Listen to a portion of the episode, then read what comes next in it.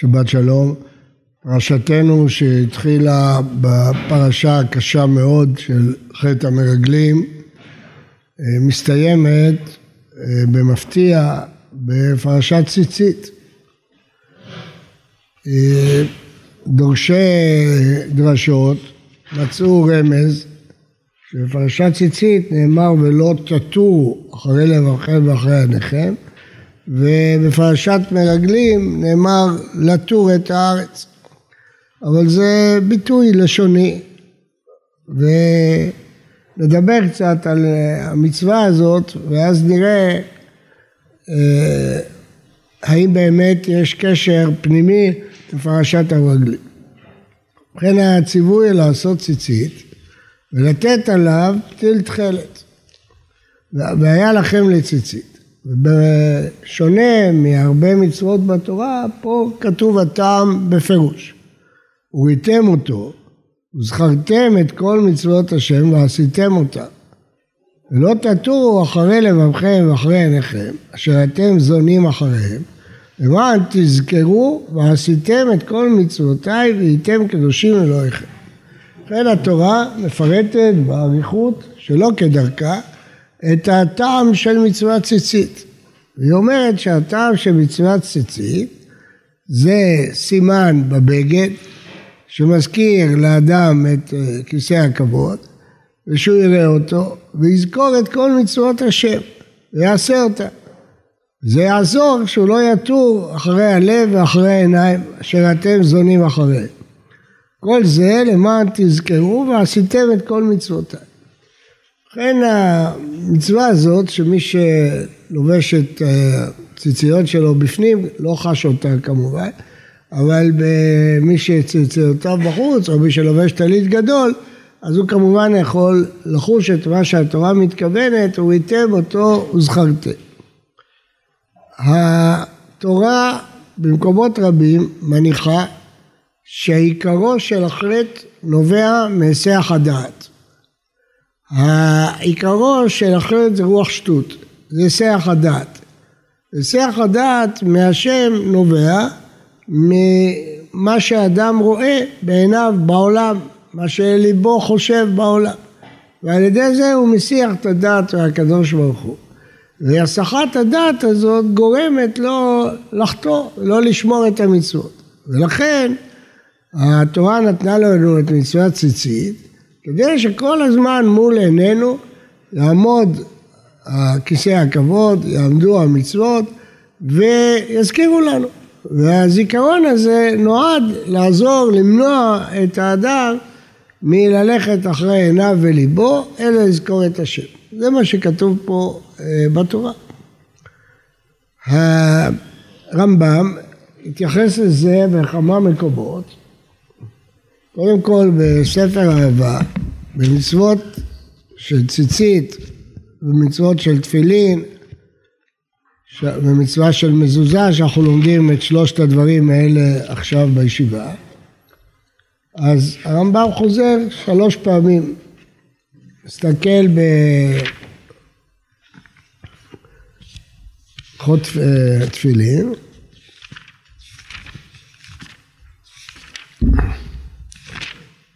הרמב"ם אה, כשמסיים את הלכות תפילין שהם אות אה, ברית, הוא כותב דברים מיוחדים ביותר על התפילין.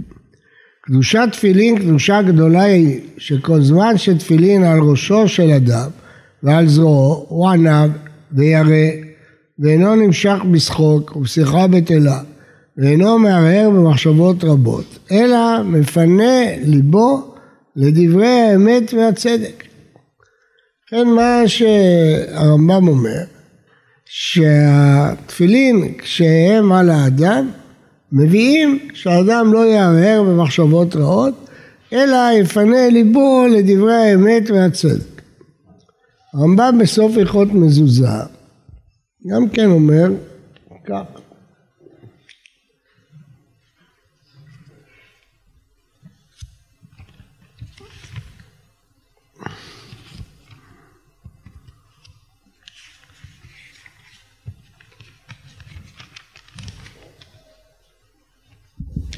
חייב אדם להיזהר במזוזה מפני שהיא חובת הכל תמיד וכל העת שייכנס ויצא יפגע בייחוד שמו של הקדוש ברוך הוא ויזכור אהבתו ויעור משנתו שגיאתו מאבלי הזמן וידע שאין דבר העומד לעולם ולעולמי עולמים אלא ידיעת צור העולם ומיד הוא חוזר לדעתו והולך לו לדרכי ושרים.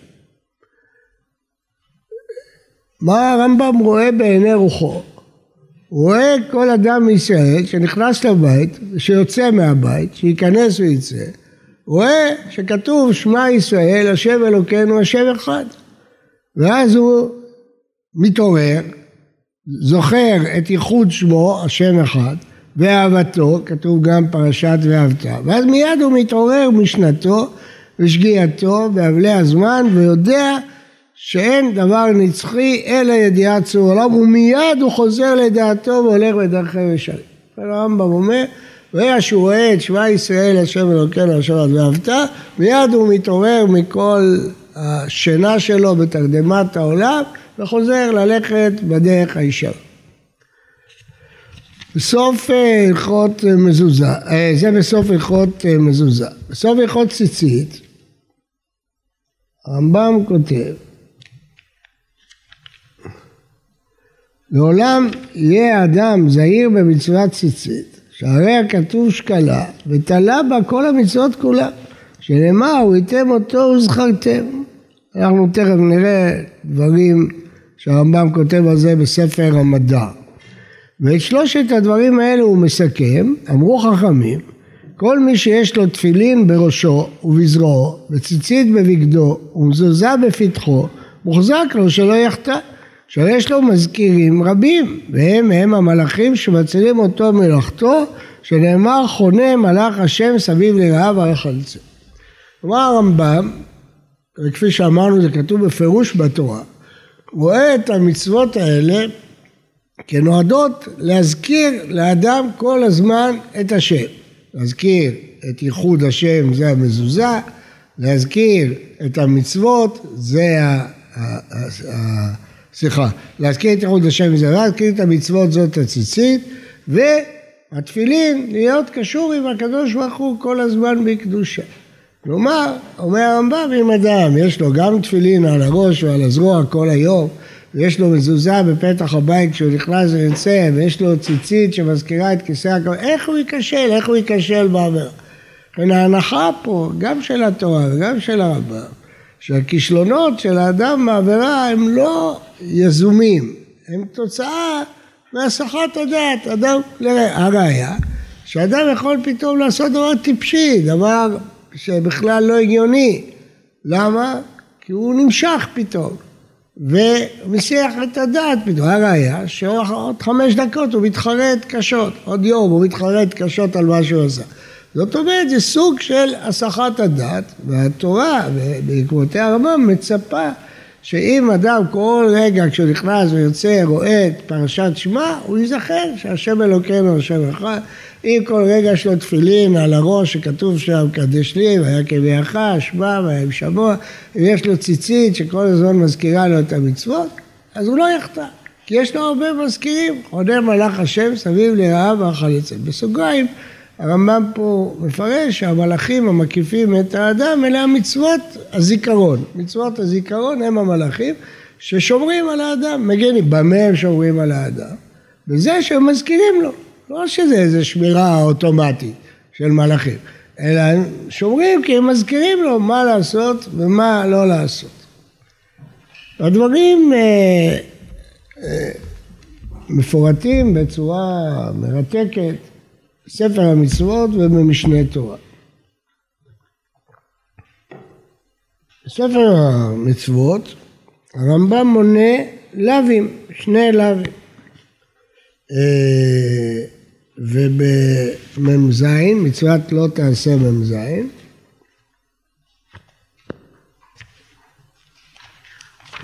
סליחה, אה, לאו אחד, מצוות לא תעשה מ"ז, שהזהירנו שלא לתור אחרי לבבינו עד שנאמין דעות שהן הפך הדעות שחייבתנו התורה.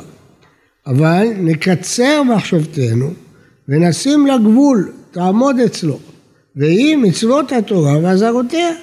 והוא אמרו יתעלה, ולא תטורו אחרי לבבכם ואחרי עיניכם. ולשון ספרי, ולא תטורו אחרי לבבכם זו מינות, ואחרי עיניכם זו זנות. באומרו זנות, יימשך אחר ההנאות והתאוות הגשמיות, ויתעסק המחשבה בהם תמיד. ובכן פה הרמב"ם מפרט יותר, ומונה את זה כלא תעשה, מה עושה הציצית? היא גורמת לשים גבול לראייה שלנו בעיניים ולמחשבת הלב. הראייה שלנו בעיניים יכולה לגרור אותנו לעיסוק מופרז בהנאות הגופניות, בתאוות הגופניות, והציצית באה להזכיר לנו את הרקיע, את השמיים, את התכלת, תעצור. אל תשקע יותר מדי בתאוות הגוף, שכמובן זה מתבטא בזנות, שהיא השיא של ההימשכות אחרי תאוות הגוף. והדבר השני, לא תטרו אחרי לבבכם. הציצית עוזרת לעשות מעצור למחשבות הלב, שאדם ידע שגם כשהלב חושב כל מיני מחשבות, יש לו גבול. הגבול הם, הרמב"ם אומר בפירוש, מצוות התורה ואזהרותיה. כל עוד אתה בתוך הגבול הזה, אתה יכול לחשוב מה שאתה רוצה. אתה בתוך הגבול של מצוות התורה ואזהרותיה. אם אתה עובר את הגבול הזה של מצוות התורה ואזהרותיה, זה אסור. ולכן התורה עושה גבול. והגבול הם תרי"ג מצוות, מצוות התורה ואזהרותיה, ואתה צריך לשים אותם כתמרור שעוצר אותך, עוצר את מחשבותיך. הדברים מפורטים בצורה אה, יותר ברורה בהלכות אה, עבוד, אה, עבודה זרה, פרק ב' הלכה ג', לומדים את זה בדף היומי, ברמב"ם היומי עכשיו.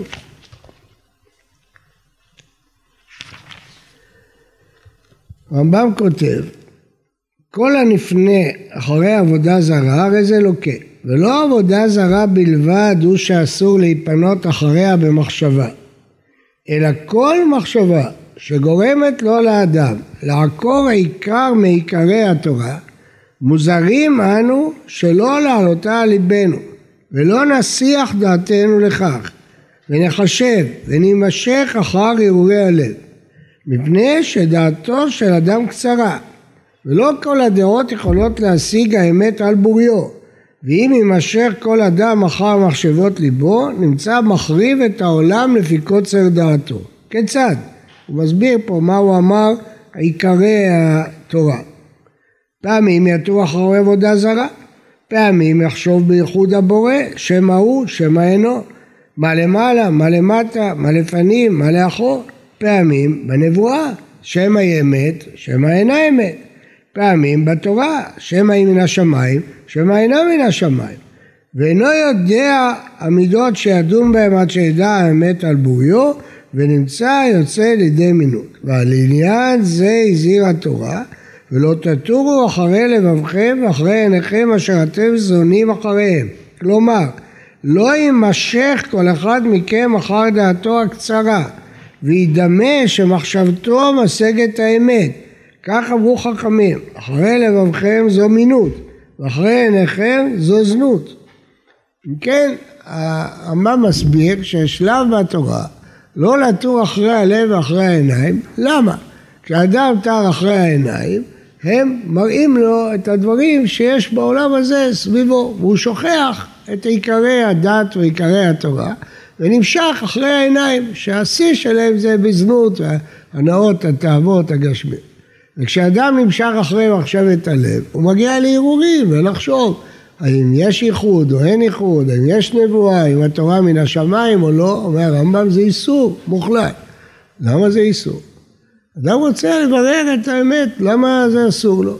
אומר הרמב"ם, אני אגיד לך למה זה אסור. כי לא כל הדעות יכולות להשיג האמת על בוריו. כדי להשיג את האמת, אתה צריך הכשרות, הקדמות, כפי שהרמב"ם מעריך במורה נבוכים. צריך הכשרות לוגיות, שיאפשרו לך לדעת לחשוב נכון, אתה צריך לא לטעות, ולא כל אדם מסוגל לזה, זה דורש אה, כישרון רב וידע רב, והקדמות רבות, ורוב בני אדם לא, זה לא שהעיסוק עצמו הוא אסור, העיסוק אסור למי שאין לו את הרמה האינטלקטואלית הנכונה שיכול להגיע לאמת, ואז מה זה יביא? שהוא יחריב את העולם. כיוון שלאמת הוא לא יגיע, הוא יתור בטעות אחרי מחשבות הלב, והמחשבות האלה הביאו אותו לידי מינות, כי הוא לא מספיק בעל כישורים לדעת להסביר לעצמו שאלות שיש לו ולהשיב עליהן וכן הלאה, כפי שהעריך הרמב"ם מאוד במורה נבוכים. כן, לפי זה יוצא שמצוות ציצית היא באמת אה, אה, מאוד מאוד משמעותית בתפקיד הזה, שגורם לאדם לא לטור אחרי העיניים. ואם כן, ההשוואה למרגלים היא לא רק במילה לטור, הרי מה תפקיד המרגלים? ללכת ולראות, להסתכל. והראייה שלהם היא שהביאה אותם למסקנות השליליות שלהם, אבל הם עברו את הגבולות שהרמב"ם הציב להם, שזה מצוות התורה ואזהרותיה. הקדוש ברוך הוא ציווה עליהם להיכנס לארץ ישראל. אז אם הם על ידי מראית העיניים מגיעים למסקנה לא להיכנס לארץ, זאת אומרת שהם לא שמו את התמרור הנכון מול עיניהם, הם לא שמו את הגבולות של מראית העיניים ולכן הם לא הבינו שהעיניים מטעות אותם, שהם רואים דברים לא נכונים, כי הם עברו את התמרור. הרמב"ם אמר שהתמרור הוא מצוות התורה ואזהרותיה. המצוות והאזהרות הם התמרורים שבאים לעצור אותנו, לא להיגרר למחוזות לא נכונים, לא בראיית העיניים ולא במחשבת הלב. התמרור הזה של ההלכה הוא תמרור נפלא. אם אדם יודע להציב לעצמו את מצוות התורה ואת אזהרותיה ולא לעבור עליהם, זה עוצר אותו. מפני הסחת הדעת גם של העיניים אחרי תאוות הגוף וגם של הלב אחרי מחשבת הלב. נמצא לפי זה שיש פה איזה תיאור אידיאלי שאני מניח שכל אחד מכם מתקשה, אז למה זה לא עובד? התיאור האידיאלי של התורה זה שאדם מסתובב כל הזמן עם ציצית על הבגד, עם תפילין על הראש ועל הזרוע, ועם מזוזה גלויה שהוא רואה בה את הפרשות. וממילא כל רגע שהוא הולך הוא רואה בציצית שלו את התכלת, כל רגע שהוא נכנס לבית הוא רואה את שמע ישראל השם אלוקינו השם אחד, כל רגע שהוא עוסק במלאכתו הוא שם לב שהתפילין עליו, הוא קושר לקדושת השם ולא מסיח את הדעת מהתפילין. יש פה איזו אה, צורה אידיאלית שמטרתה אה, לגרום שאדם לא ייגרר, לא ייגרף אחרי החברה, אחרי התרבות שסביבו. וכולנו יודעים, זה לא סוד, כל אחד אמר את זה בעצמו, לא צריך בשביל זה מחקרים ולא שום דבר. כל אחד שיסתכל בעצמו יראה את זה, שהוא נגרר. אדם נגרר אחרי העיניים, אדם נגרר אחרי מחשבת הלב, אדם נגרר אחרי דברים שמשפיעים עליו, והוא צריך דברים שיעצרו אותו, שיגידו לו, עצור. יש פה תמרור של עצור, הוא צריך שתפילין יהיו על ראשו, והציצית בבגדו, והמזוזה בפתחו, כדי שיעצור, שכל הזמן הוא יעצור. לכן אה, לפחות כדאי משהו מכל זה לאמץ היום. כשאדם נכנס לבית ויוצא מהבית, יסתכל רגע על המזוזה ויגיד את המילים, ייחוד השם ואהבתו. אם אדם מתרגל לזה, זה יעזור לו מאוד. ייחוד השם ואהבתו. אמנם בגלל שהמזוזה מכוסה, אנחנו לא רואים את זה, אבל לפחות שיחשוב ויבור רגע אחד על ייחוד השם ואהבתו. וכשהוא מניח תפילין, יזכור לפחות בשעת התפילה שהוא קשור לקדוש ברוך הוא. וכשהוא מתבונן בציציות של הטלית, להתבונן מה תכליתו, כפי שהרמב"ם אמר, מה התכלית שלו, ולא להתעורר משנתו, משגיאת הזמן. הרמב"ם משתמש פה באותן מילים שהוא השתמש ביכול תשובה על תקיעת אה, שופר. ההתעוררות משגיאת הזמן. אגב, הרמב"ם חזר על מה שאמרנו גם על ולא תטו, גם בהלכות תשובה. התפקיד הזה, לצערנו, הוא לא ממולא בשלמות, ולכן באמת אנחנו נגררים הרבה מאוד אחרי מה שרואות עינינו, אחרי שליבנו חושב, אנחנו קוראים, מה שאנחנו רואים, אנחנו לא שמים לנו את התמרורים הנכונים, אבל ההתנהלות של בן ישראל לפי התורה וכפי שהרמב"ם, לפי התורה זה כתוב בתורה, לפי איך שהרמב"ם מפרט, זה שהוא מוקף במזכירים, כפי שקורא לזה הרב. כמובן, אמר אחד שהיה נהוג פעם שאם אדם רוצה לזכור משהו, הוא עושה איזה קשר. אבל אה, זה בתנאי שהוא יודע מה הוא רוצה לזכור, אבל אם הוא לא יודע מה הוא רוצה לזכור, לא יעזור לו הקשר. ברור שמצוות שהם מזכירים, הם רק יכולים להזכיר, הם לא יכולים לשנות את האופי שלך. מדברים על אדם שהוא דבק בהשם ורוצה לשמור מצוות, זה קשור, אלא שהוא מסיח את הדת, אז המזכירים עוזרים. אז שלושת המצוות האלה בעצם צמודות ממש לגוף של האדם, וכל הזמן מזכירות לו, כל הזמן מזכירות לו את מציאות השם, את ייחודו, את אהבתו, את שמירת המצוות, ומונעות ממנו להיסחף או להיגרר אחרי מה שעיניו רואות ואחרי מה חושב, ולהציב תמרורים, להציב נקודות עצירה, שהוא לא עובר אותם. אם כל אדם היה מציב לו את התמרורים האלה של מצוות התורה וזרותיה, היינו חוסכים לנו הרבה הרבה צרות והרבה בעיות והרבה משברים. אם אדם היה יודע להציב לו את המורים, שהוא לא עובר על מצוות התורה, הוא לא עובר על אזהרות התורה. זה היה עוצר את מחשבת העיניים ואת מחשבת הלב מלהתפשט בלי גבול. היה לו תמרורים שעוצרים, וכדי שהוא ייזכר בתמרורים האלה, ניתנו לנו המצוות העיקרות הללו של תפילין, ציצית ומזוזה, שנועדות להקיף את האדם במזכירים שיעצרו אותו כדי שלא ייכשל. שבת שלום וברכה.